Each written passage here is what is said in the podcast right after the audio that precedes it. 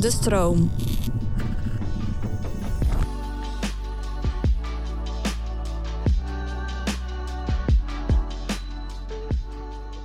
Hallo alle luisteraars en BookTok-fanaten. We gaan deze aflevering toch iets bespreken waar ik heel erg benieuwd naar was. We gaan het namelijk hebben over The Cruel Prince. Ik heb van zo vreselijk veel mensen gehoord dat dit een favoriete boek is. Of juist dat ze het een heel slecht boek vonden. Het is een fantasyboek en ik lees normaal eigenlijk nooit fantasy. Het is voor mij ook de eerste keer. En ik moet zeggen, ik was niet teleurgesteld. The Cruel Prince is geschreven door Holly Black en het is het eerste deel van de zogenaamde Folk of Air trilogie. Het boek is uitgekomen in 2018 en heeft 279 pagina's. Ben je zo doorheen dus? Holly heeft ook veel andere fantasy-series uitgebracht, waaronder ook de bekende Spiderwick Chronicles. Ik vond het een heel leuk boek, maar ik moet wel eerlijk zeggen dat ik het een beetje lastig vond om in te komen. Zo beland je in een hele fantasywereld met allemaal bijzondere woorden, namen, steden, waardoor het voor mij echt wel lastig was om goed in het boek te komen. Ik bedoel, waar denk jij aan bij de naam Elfheim? Normaal gesproken lees namelijk over de echte wereld zonder veel verzonnen woorden. Dus dan weet je ook meteen hoe en wat er gaande is. En kan ik het allemaal veel makkelijker plaatsen. Bij dit boek duurde dat dus wel eventjes. En ik hoorde ook van een paar vrienden dat zij dit ook hadden. Dus weet waar je aan begint. Het is een heel leuk boek, maar je moet er wel echt goed voor gaan zitten. Het boek gaat over het 17-jarige meisje Jude Duart. Toen Jude 7 jaar was, werden haar ouders vermoord door Maddox. Maddox neemt Jude, haar tweelingzus Taryn en haar oudere halfzus Vivienne mee naar Elfheim. In Elfheim worden ze door Maddox en zijn vrouw Oriana opgevoed in de adelstand, samen met Oriana's zoon ook. Jude wil ridder worden om permanent lid van het hof te worden, maar Maddox verbiedt haar dat. Ook wordt Jude op school gepest, notabene door de jongste zoon van de koning en zijn vrienden. Jude's zus, Vivienne, wilde Jude en Taryn in de mensenwereld gaan wonen met haar vriendin Heather, maar Jude is veel te veel gewend geraakt aan een nieuwe wereld. Uiteindelijk krijgt Jude dan toch de kans om zijn spion te worden in ruil voor immuniteit.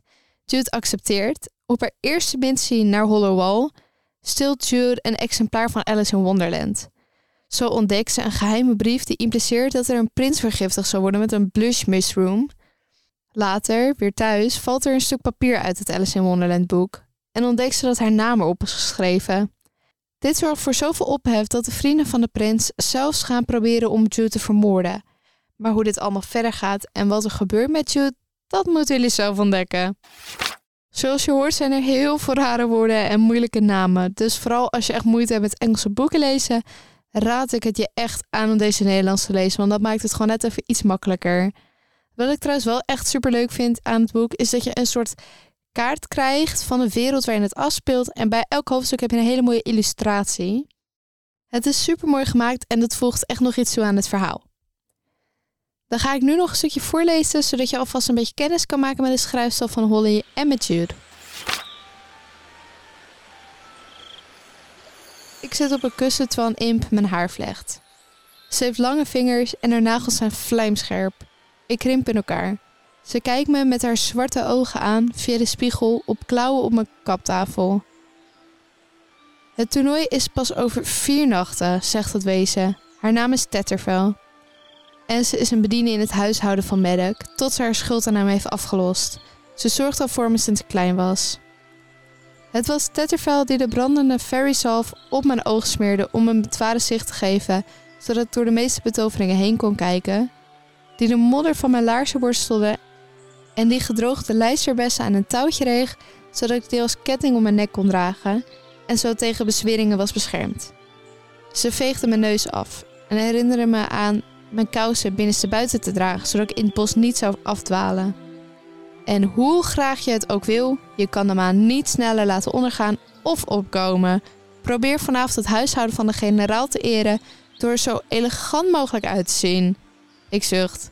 Ze heeft nooit veel geduld gehad met mijn hatelijkheid. Het is een eer om met het hof van de opperkoning te dansen onder de heuvel. De bedienden vertellen me maar al te graag hoeveel geluk ik heb. Een bastard van een vrouw die is vreemd gegaan. Een mens zonder ook maar een druppel fairy-bloed dat als een echt verkind wordt behandeld. Taryn krijgt vrijwel hetzelfde te horen. Ik weet dat het een eer is om samen met kinderen van de adel te worden opgevoed. Een angstaanjagende eer die ik nooit waard zal zijn. Heb ik jullie overtuigd? Ik denk dat jullie nu al weten dat jullie het boek heel snel moeten gaan lezen. En laat ook weten of de andere boeken van Holly ook echt moet gaan lezen. Onder novelles wel ben ik overal te vinden. En laat vooral nog weten welke boek je nog meer voorbij wil horen komen. Ik lees echt al jullie berichtjes en ik vind het onwijs leuk om met jullie alle boeken nog na te bespreken en te discussiëren en zo. Voor nu wens ik jullie nog veel leesplezier en dan kom ik volgende week terug met een nieuw boek.